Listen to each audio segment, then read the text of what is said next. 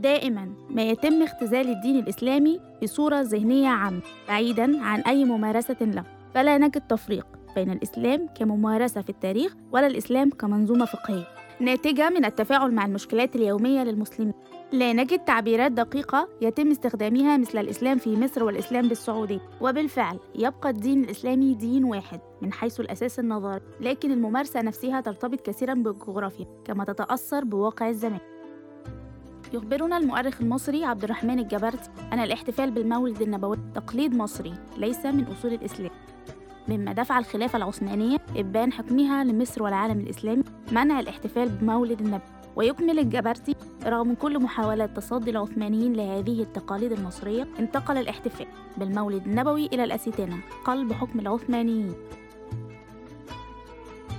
وهذا إن دل على شيء فهو بالتأكيد أن ممارسة الإسلام تتأثر بثقافة المسلمين أنفسهم ولهذا بشكل أكاديمي بحت أصبح هناك مصطلحات دقيقة تطلق عن دراسة أحد الظواهر المتعلقة بالإسلام. وبحسب الباحث في الدراسات الدينية أحمد سعد زايد ينقسم الإسلام بشكل عام لقسمين كبيرين عبر التاريخ وهما مرحلتي الإسلام التقليدي وما بعد الإسلام التقليدي. ويعرف مرحلة الإسلام التقليدي أنها مجموع تفسيرات وقصص الكتب التراثية الإسلامية وهناك عدة تيارات إسلامية تعبر عن هذه المرحلة. على رأسها الإسلام الأشعري الذي يمثل مؤسسة الأزهر الشريف والإسلام الحنبلي الذي كان الأب الشرعي للحركات السلفية. وهناك الإسلام الشيعي بمذاهبه المعروفة وما بين التشيع والتسنن يقف الإسلام الصوفي الذي أثر وتأثر بالفريقين من السنة والشيعة معا.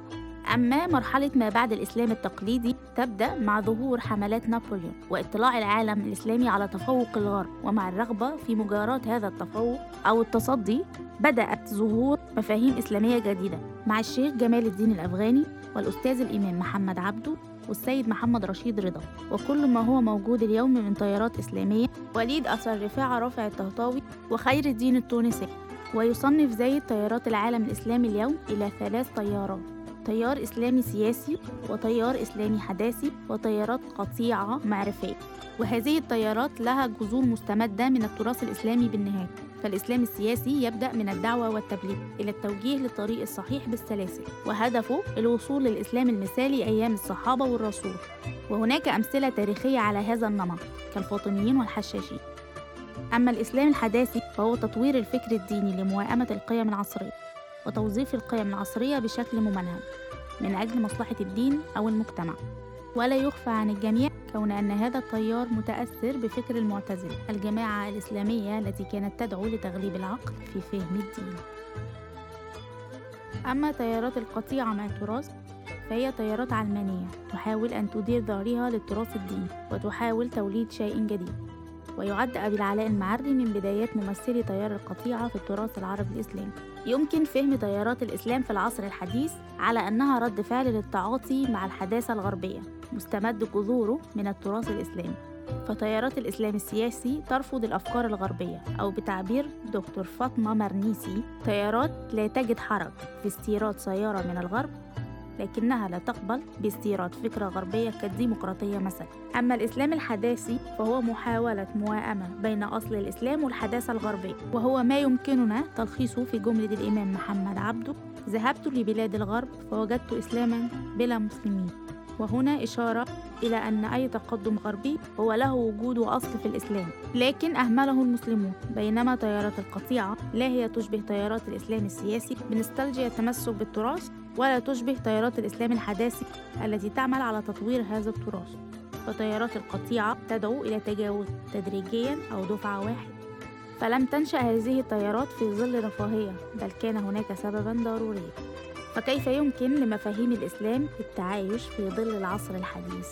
فالإسلام عندما نشأ لم يكن هناك وجود للمدفع والطباعة وتوليد الكهرباء والطائرات ونظريات العلم الحديث ورحلات الفضاء.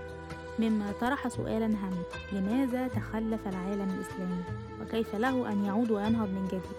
فهل النهضة تأتي بالتخلي عن التراث والتعامل مع الحداثة بعيدا عن الدين كما تدعو تيارات القطيعة؟ أم أن النهضة تأتي بالعودة إلى الماضي والأصول كما حاولت الحركة الوهابية؟ أم إعادة تفسير التراث بالعقل؟ لا النقل كما فعل الإمام محمد عبده. الذي اعتبر أن طير الأبابيل مرض. كالتيفود أو فيروس كورونا. أفنى أصحاب الفيل. كما كان له العديد والعديد من آراء المسيئة القول بعدم عودة المسيح نهاية الزمان أو ظهور المهدي المنتظر وأن نظرية التطور لا تعارض القرآن. فما الذي يدفع رائد وعلم الإسلام؟ وشيخ الأزهر السابق للقول بمثل هذه الآراء التي تخالف كتب التراث. هذا ما سنعرف إجابته في الحلقة القادمة من بودكاست تاريخ الإسلام.